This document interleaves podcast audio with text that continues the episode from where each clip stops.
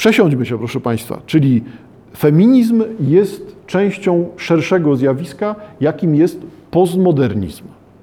I teraz znowu spróbujmy jednak ten postmodernizm nazwać, nazwać w sposób syntetyczny. Autor w końcu jest mężczyzną, on będzie wolał syntezy niż emocje. Wobec tego, co się tutaj dzieje?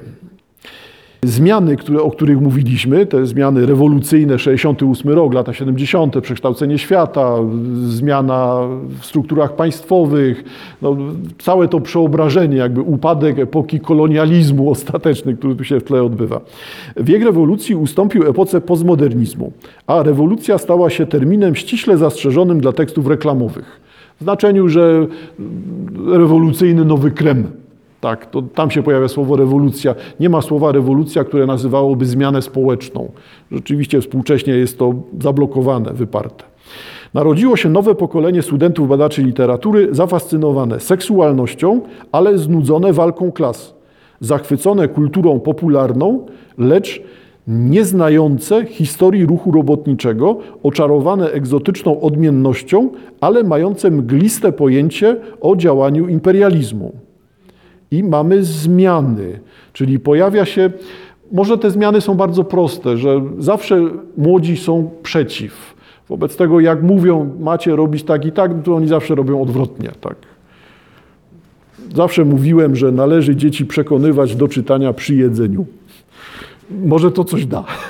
Co się wobec tego dzieje? Mamy przekształcanie świata, przekształcanie świata w taki również sposób, że zanim nam się pojawi świadomość postmodernizmu, pojawi się jeszcze nowe podejście do historii. Historia wielka zostaje w połowie XX wieku zastąpiona przez historię mikro, czyli nowy pomysł na historię to jest historia detali, elementów.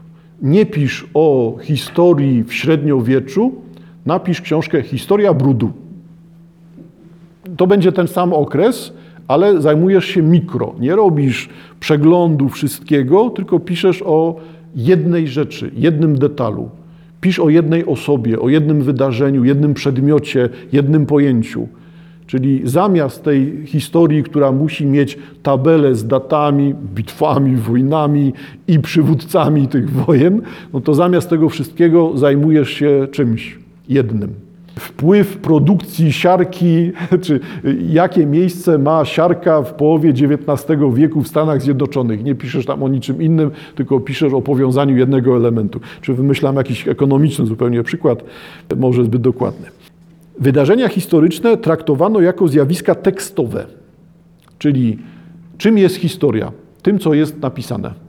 Nie ma historii. Historia jest czymś, na co wpływu nie mamy na co mamy wpływ, na to, co jest napisane. Wobec tego cała historia jest tylko zjawiskiem tekstowym. Jak napisaliśmy historię, taką mamy. Świadomość tego jest też bardzo ciekawą rzeczą, bo teraz, jeżeli rozumiemy, że to jest jedna ze szkół z podejść do historii, to rozumiemy, że można ją wykorzystać. Napiszmy historię i trzymajmy się tego, co jest napisane, nie tego, co było tylko tego, co pojawia się jako samo wydarzenie tekstowe. Dlatego wydanie książki o historii staje się częścią historii. Wydanie książki o jakimś człowieku i uczynienie z niego bohatera sprawia, że on bohaterem się staje.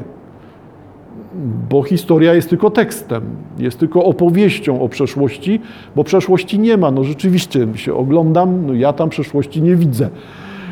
Wiem, że ona jest, ale jest taka, jak pamiętam, albo taka, jak sobie ją opisałem.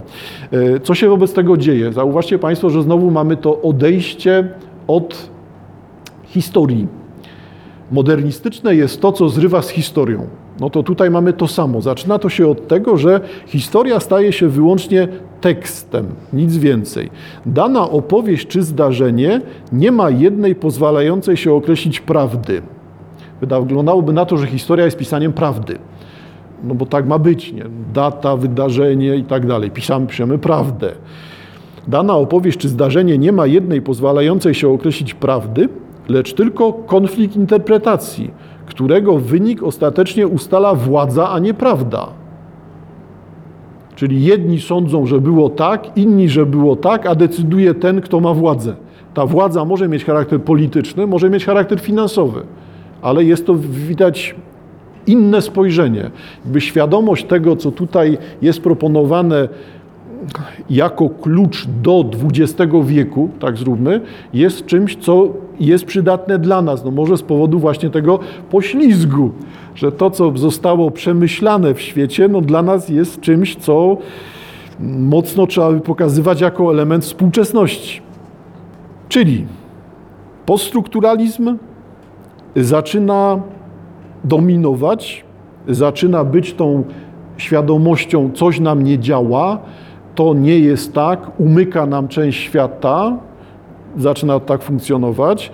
Poststrukturalizm po kilku, kilku, kilkunastu latach okazuje się, że też ma świadomość, że no to tym, czego nie ma, trzeba się zająć, czyli jednak piszmy nie o konstruktach, tylko piszmy o wartościach. Piszmy, że jest dobro i zło, że tam jest jakaś wieczność, jakaś śmiertelność, śmierć. No, zajmijmy się także tym, ale to jest wtedy już odchodzenie trochę e, od tego, czym jest strukturalizm. No bo to jest już poststrukturalizm. Poststrukturalizm jest zwątpieniem w strukturalizm. Coś tu się zawala. Modernizm, wiemy, że to jest dość dziwne określenie, ale niech będzie, że mamy ten modernizm nazwany.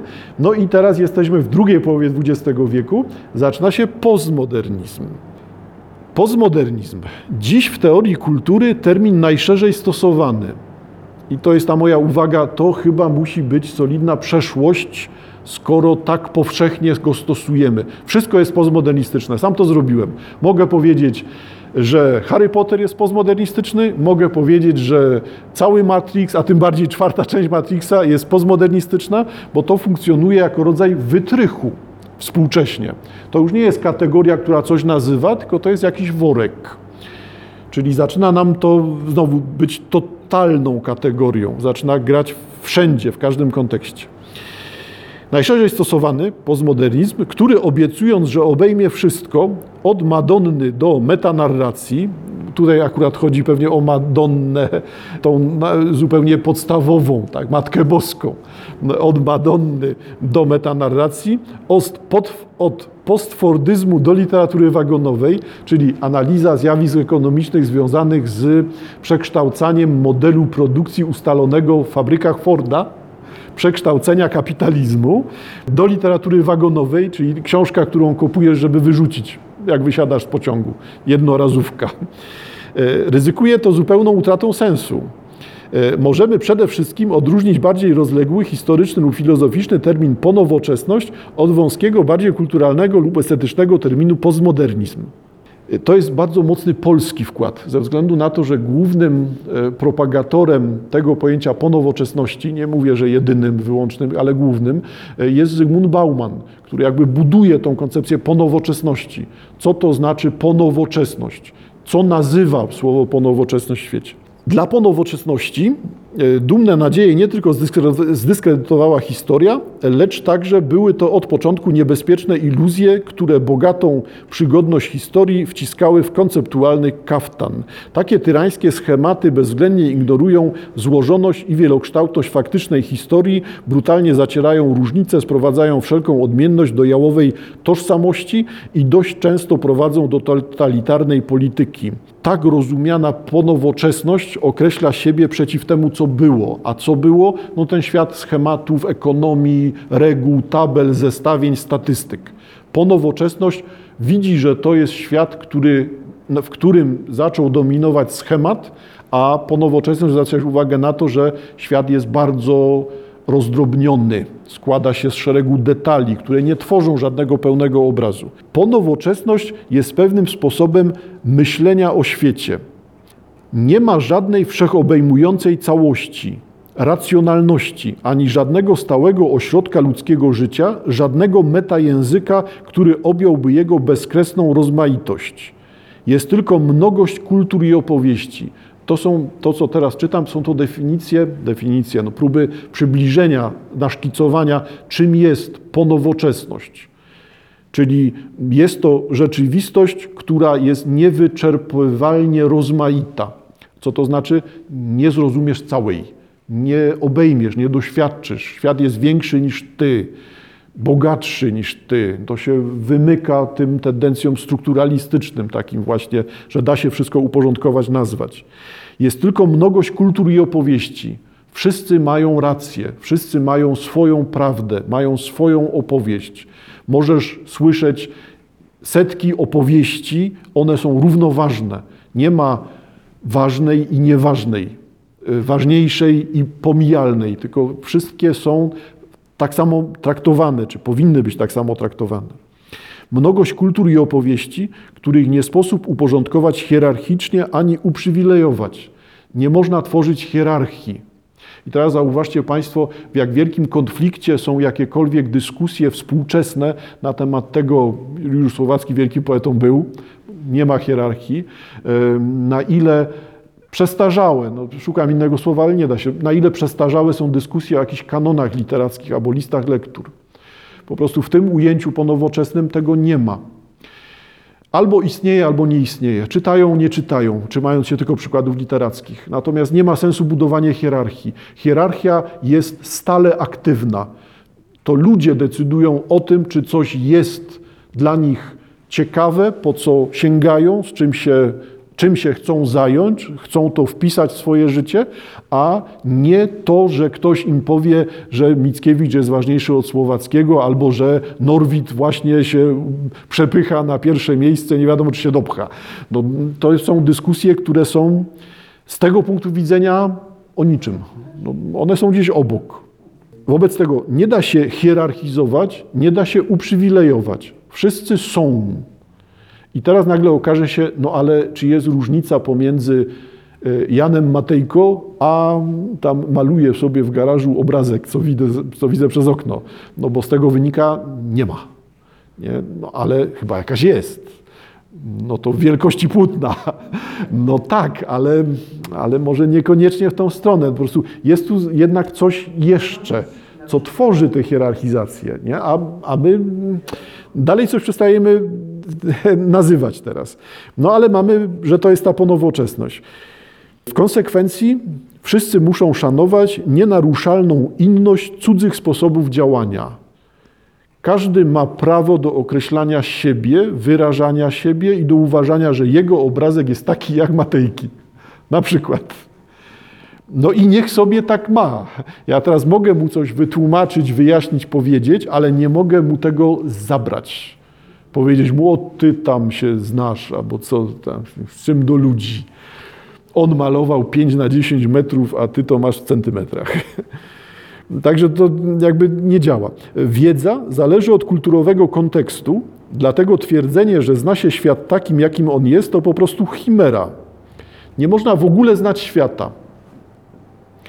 To się w realiach miejskich bardzo sprawdza. W tym ujęciu ponowoczesnym jesteśmy skazani na nieznajomość. Trzymajmy się nieznajomość innych ludzi.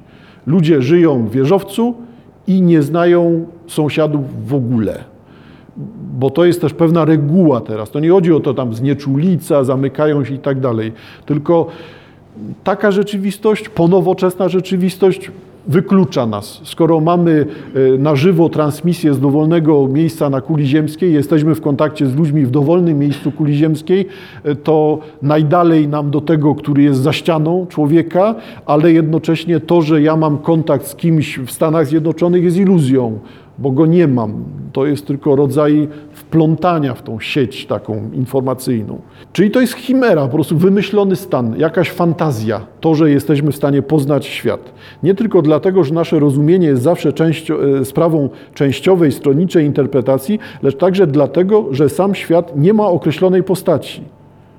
Nie ma czegoś, co powiemy tak, jest, kropka nie wiem, czy Państwo pamiętacie, kilka razy też się na to powoływałem, e, złudzenia sprzed 50 e, lat, e, że oczywiście, że znamy strukturę atomu, jest to najmniejsza cząstka składająca się z. No i jesteśmy kilkadziesiąt lat później i my nie znamy tej struktury.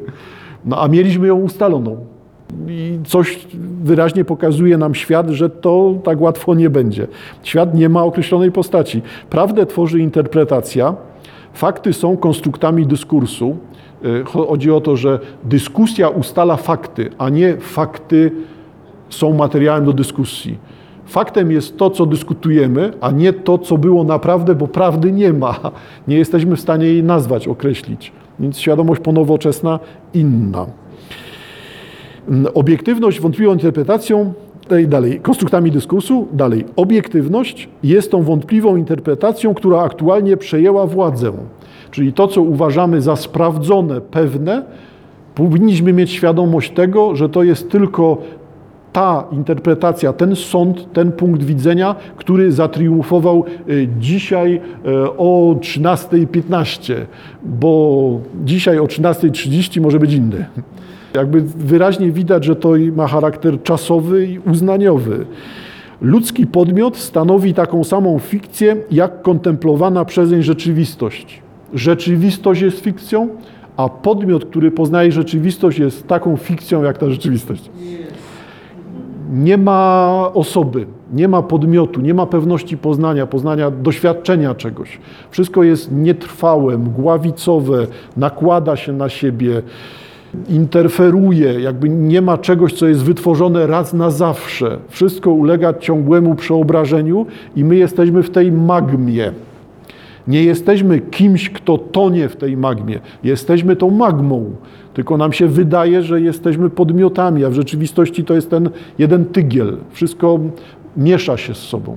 To jest świadomość ponowoczesna. Trzeba było ją nazwać. Ja rozumiem, że brzmi to tak, jakbym opowiadał koszmar jakbym opowiadał koszmar, ale trzeba było ten koszmar nazwać. I to jest właśnie plus Baumana, który potrafi nazwać to i sprawić, że mamy chociaż jeden krok dystansu do tego, że ja nie mogę powiedzieć, nie wiem, co się dzieje. Nie wiem, co się ze mną dzieje, nie wiem, co się ze światem dzieje. Kiedyś to wszystko było takie poukładane, a teraz jest takie złe. No więc to, co jest plusem Baumana, to jest właśnie nazwanie tego, tej magmy, tego płynięcia, zmienności tego, co jest światem ponowoczesnym. I to sprawia, że mamy komfort psychiczny, bo to jest trudne, ale to jest nazwane. To nie jest ciemność, której się boję, bo jej nie znam. Ja poznałem już taki kształt świata. Rozumiem, że muszę przyjąć to jako zasadę, że taka jest rzeczywistość, że tak się w tej rzeczywistości muszę rozpływać i nie jest to moją życiową tragedią, tylko jest to typowe dla świata na etapie ponowoczesności. Dlaczego Eagleton dzieli? No bo zauważcie Państwo, Eagleton wziął i mówi, najpierw zróbmy ponowoczesność, a teraz powiedzmy, co to jest postmodernizm. Bo wygląda na to, że ponowoczesność jest pewnym zbiorem wartości, pewnym pomysłem na światopogląd. Jest doznaniem świata, doświadczeniem świata. A postmodernizm będzie częścią ponowoczesności, czyli już tylko tym, co dotyczy, jak ja opisuję świat, jak ja go opisuję słowami, albo obrazami, albo muzyką, jak chcę. Bo postmodernizm jest światem wytworów, reakcją na ten świat magmy, ten świat żywiołów. I co? No to postmodernizm. Postmodernizm we właściwym sensie najlepiej postrzegać jako formę kultury odpowiadającą temu obrazowi świata, ponowoczesnemu obrazowi świata. Czyli mamy ten świat magmy, ten tygiel nieokreśloności, płynie, płynący, zmienny, nienazywalny. I teraz mamy coś, co pozwala nam nazwać to. No to tymi narzędziami, które odzwierciedlą nam ten, tą magmowość, płynność, nieokreśloność świata, będą te narzędzia, które zebrane w jednym miejscu dadzą nam zawartość terminu postmodernizm. Postmodernizm sposób opowiadania o tym, co jest światem ponowoczesnym, tym światem płynącym. No nie, nie, nie, teraz zacząłem zmieniać kultury, ale typowe dla postmodernizmu. Płynący świat, jedna z metafor z estetyki na przeciwnej stronie kuli ziemskiej. Odkładamy. Postmodernizm we właściwym sensie najlepiej postrzegać jako formę kultury odpowiadającą obrazowi świata ponowoczesnego. Typowe postmodernistyczne dzieło sztuki jest. I teraz mamy definicję tego, czym jest postmodernizm, postmodernizm na tej zasadzie, o której mówiłem przed chwilą. Powiem, że Harry Potter jest postmodernistyczny albo Matrix, film jest postmodernistyczny. Więc dzieło sztuki postmodernistyczne jest arbitralne, Ja tak mówię, że tak jest i tak jest. I koniec. Wobec tego, jeżeli w dziele przyjmiemy, że czarne jest białe, tak, e, albo że e, nie istnieje różnica pomiędzy szkłem a wodą, i szkło będzie płynęło i woda będzie płynęła, albo oboje, obie, te, te, te, e, obie substancje będą tak samo sztywne, twarde, no to ja tak po prostu przyjąłem. To jest arbitralne. To ma rozgrywać się w tym dziele sztuki. Jeżeli Ursula Le Guin przyjmuje, że istnieje świat, w którym jest tylko jedna płeć, jest tak, i opowiadania, i książki Ursuli Le Guin, no to tak przyjęła i tak jest. Jakby nie ma sensu się zastanawiać, niemożliwe, nieprawda. Zauważcie Państwo, że to wszystko wypadło. Jest jak jest. Przyjąłem, że tak jest. Dzieło sztuki postmodernistyczne jest arbitralne. Czary nie istnieją, książki o Harrym Potterze nie mają sensu. No, to jest strzał obok. No i co to daje, że, że czary nie istnieją, że magii nie ma? No, pudło. Dalej. Postmodernizm jest dziełem eklektycznym. Nie ma postmodernizmu jednoelementowego. Nie ma takiego czegoś, że jest postmodernizm i on jest określony w jednym elemencie. Postmodernizm musi składać się z wielu wykluczających się elementów, z wielu czasów, wielu pojęć. Czym jest Harry Potter? Książką o magii, ale książką o dojrzewaniu, ale książką o szkole, ale książką o relacjach dziewczęta-chłopcy. Nie? I to są przecież przesiadki z każdego punktu. Równie dobrze, zmienimy przykład, równie dobrze możemy powiedzieć, że Władca Pierścieni jest opowieścią o dominacji faszyzmu nad światem, o zagrożeniu nazistowskim. I, I pasuje, jesteśmy w stanie to obronić, tylko zdaje się, że to o tym nie jest. Ale jest jednocześnie. No wobec tego eklektyczność, to, że nie potrafimy pokazać, że to jest o tych trzech rzeczach, tylko to jest nagle o wszystkim naraz. No to jest charakterystyczne dla postmodernizmu. Arbitralne, eklektyczne, dalej hybrydowe. Postmodernizm e, jest czymś, co funkcjonuje w wielu tworzywach jednocześnie. To jest tak, książka do przetasowania której wspominałem. To jest hybrydowa książka, no bo ona z jednej strony jest do przeczytania jedna po drugiej, ale jest też do przetasowania. E, albo wpisz sobie swoją numerację stron na te strony, które tej numeracji nie mają. E, albo dzieło literackie, które zawiera w sobie odwołania do dzieł muzycznych. Żeby zrozumieć dzieło literackie, musisz sobie puścić muzykę, o której jest to dzieło literackie. To jest akurat typowe dla Murakamiego. Kojarzycie Państwo, tak? Bardzo, bardzo znany pisarz współcześnie, Murakami. Żeby tam się połapać, o co mu chodzi, to trzeba najpierw zobaczyć, ale o których tytułach utworów muzycznych on tam pisze, bo zamiast się fatygować i opisać, o co mu chodzi, to on wpisuje tylko, że o, tam bohater usiadł za barem i słucha teraz, nie? I jest tytuł. I tam jest w tekście tego komentarz do tego, co jest potrzebne do rozumienia tej książki. Ale on tego nie robi, nie? On po prostu pokazuje, zwracając uwagę na to, że no, jesteśmy w takich czasach, hybrydowość jest oczywistością. Wielotworzywowość. To, że to jest wszystko wieloelementowe, wielotworzywowe. Zdecentrowane. Dzieło postmodernistyczne nie ma określonego środka. Dzieło postmodernistyczne jest romansem, thrillerem, traktatem ekonomicznym, e, zapisem stadiów choroby psychicznej i wszystko to powiedziałem teraz o Matrixie. No bo to jest typowe, że jest zdecentrowane. Wszystkie te elementy, które wymieniłem, są centrami, są waż, najważniejszymi punktami, tylko jak wszystkie są najważniejszymi, to najważniejszego nie ma. Ale to nie oznacza, że nie ma, tylko oznacza to, że decentracja, wszystkie są centrami. To jest ważniejsze niż to, że nie ma, bo nie ma, to byśmy doszli do tego, tam nie ma tematu. Jest, tylko jest złożony z wielu centrów. Postmodernizm jest płynny. Wszystko, co powiemy o postmodernizmie, ulega zmianie i teraz, i w przeszłości, i w przyszłości. Postmodernizm jest zmienny, nieokreślony, wymykający się. Wszystko, co ma taką cechę, możemy uważać, że jest postmodernistyczne. Jest postmodernizm, każde dzieło postmodernistyczne, lepiej tak, jest nieciągłe, bardzo ważny element zresztą też i bardzo stary. Postmodernizm jest, nie, dzieło postmodernistyczne jest nieciągłe, to oznacza mamy do, do dyspozycji tylko fragment albo tylko fragmenty. Nie ma ciągłości. nie ma czegoś, co by było od początku do końca. Jest kawałek, a najlepiej jeszcze trzy różne kawałki. E, pastiszowe. Postmodernizm jako dzieło pastiszowe. Postmodernizm nie jest na poważnie. Postmodernizm jest czymś, co śmieje się z samego siebie i z wszystkiego, co wykorzystał postmodernizm i wszystkiego, co wniósł postmodernizm. Pastisz podważa jakąkolwiek hierarchię i wracamy do tego, co było po nowoczesności. I teraz Państwo zauważcie, jaka jest różnica pomiędzy książką Sapkowskiego Wiedźmin, zostawmy którą, cały cykl, a serialem na podstawie książki Sapkowskiego Wiedźmin. Różnica jest taka, że książka jest postmodernistyczna, a serial jest rozrywkowy. jest jakby koniec. Nie?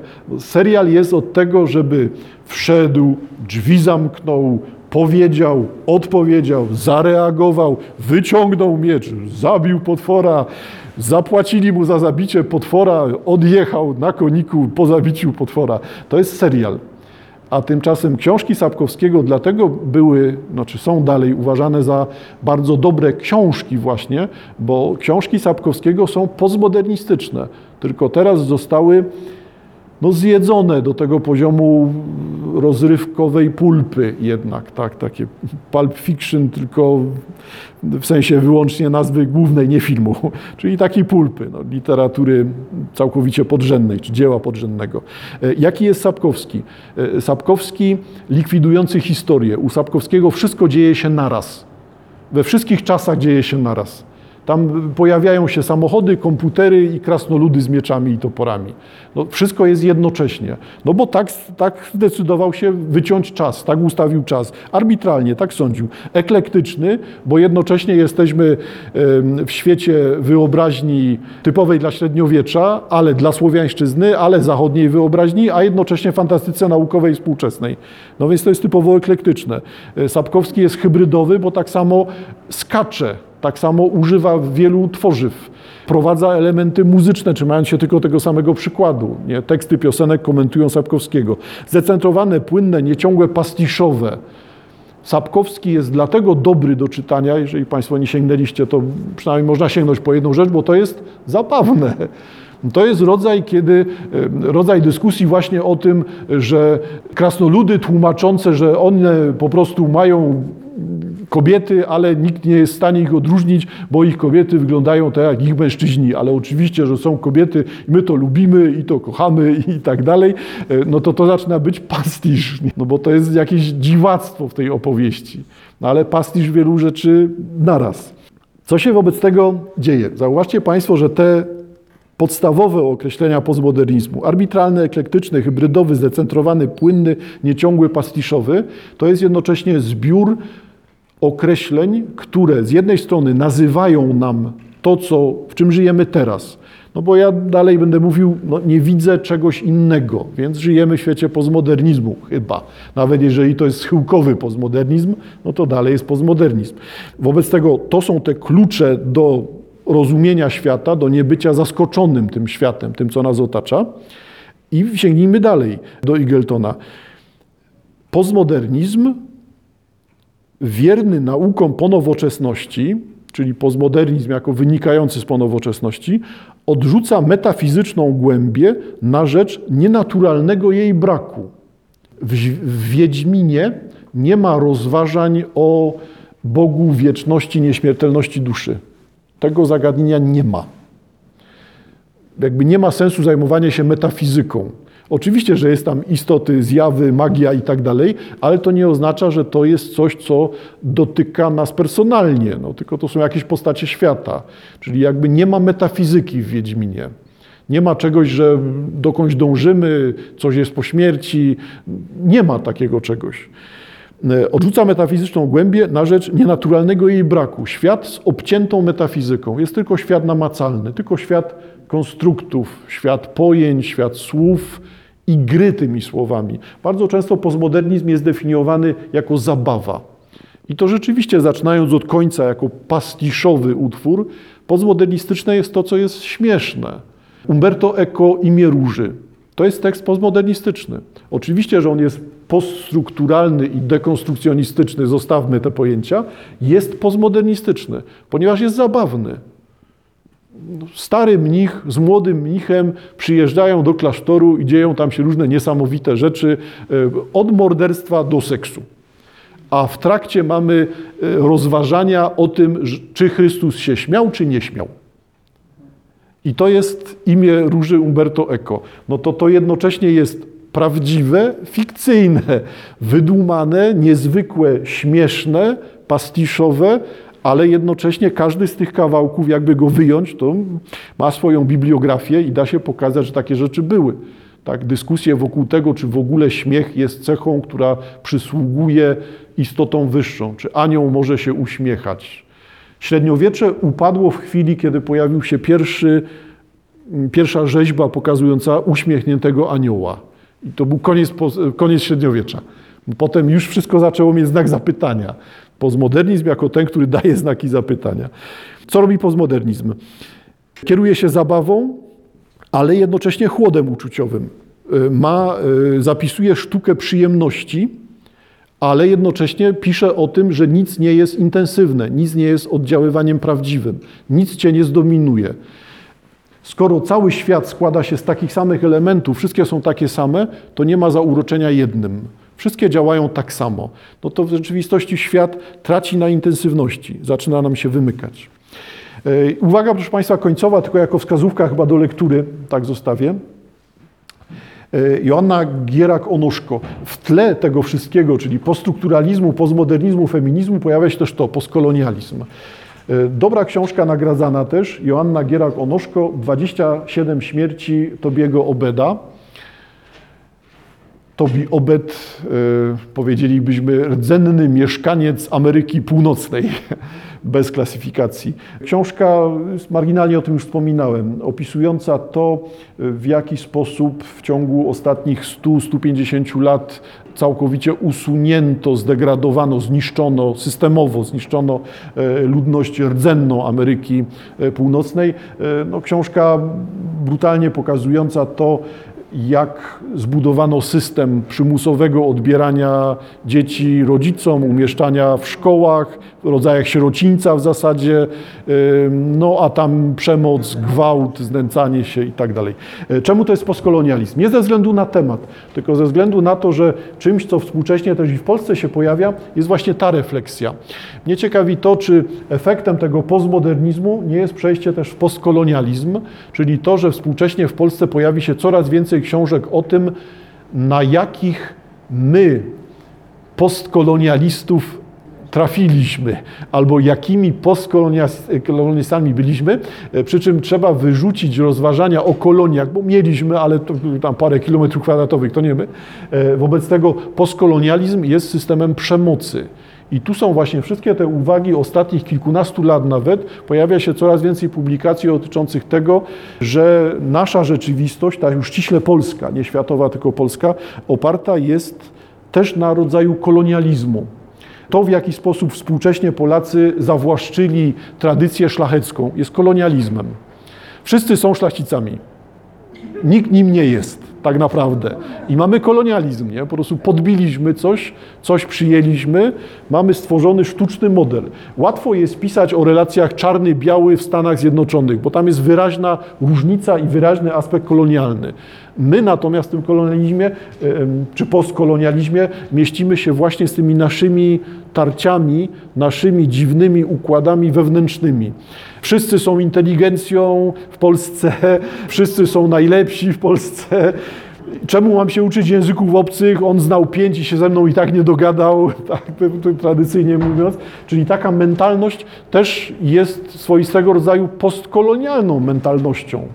To, że w Polsce nie widać, że wszyscy wywodzimy się z chłopów, zniszczonych chłopów przez komunizm, bo taką mamy w większości genezę. Coraz więcej rzeczy dotyczących historii ludowej, ludowości pańszczyzny, e, opresji wszelkich takiego typu. E, I okazuje się, że ten postkolonializm dla nas jest zjawiskiem ostatnich kilku, maks kilkunastu lat. Ja bym mówił raczej kilku, pięciu. A my mówimy o stanie znowu, nie? postkolonializm przed 40 lat, globalnie zjawisko przemyślane Pomyślmy raczej o tym, że no skoro ten świat jest tak płynny i zmienny, nie czujmy się w nim źle. Nie mamy na to wpływu i tak. Także trzeba się znaleźć w takim świecie, jak jest. Jestem, żyję, czytam książkę i trzeba być szczęśliwym. No, tyle. Więcej nie będzie.